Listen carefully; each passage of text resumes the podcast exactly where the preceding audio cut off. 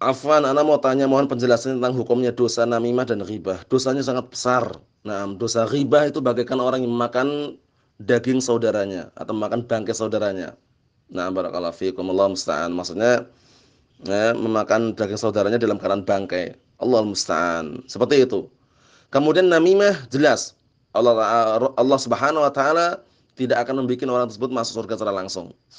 Sebagaimana hal ini Rasulullah sabdakan la yadkhulul jannata namam tidak akan masuk surga secara langsung orang yang namam suka mengadu domba. Naklul kalam bainan nas ala jihadil ifsad. Suka menukilkan ucapan di antara manusia dalam rangka untuk merusak hubungan keduanya atau dalam rangka untuk merusak hubungan manusia tersebut. Nah, namimah. Kemudian ghibah, na'am barakallahu fikum juga perkara yang sangat berbahaya sekali. Na'am barakallahu fikum, na'am. Ghibah yaitu eh, membicarakan orang lain atau membicarakan kejelekan orang lain tanpa ada unsur syar'i. Nah, barakallahu fikum itu perkara yang sangat berbahaya sekali. Nah, barakallahu fikum. Oleh karena itu Rasulullah juga melarang dan dipermisalkan dalam Al-Qur'an bahwasanya orang yang menghibai saudaranya bagaikan apa? Bagaikan orang yang memakan enam bangkai saudaranya. Allah musta'an.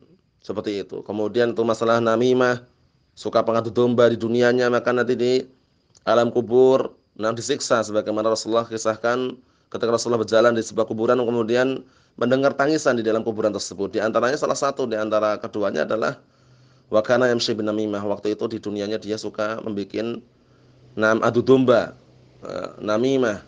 Allah musta'an. Rasulullah an yuwaffiqana wa iyyakum lima yuhibbu wa yardah. Hindari dua-duanya barakallahu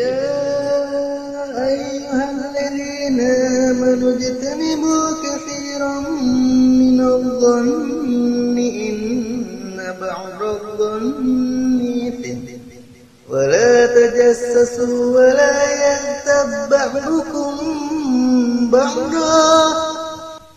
أيحب أحدكم أن يأكل لحم أخيه ميتا فكرهتموه.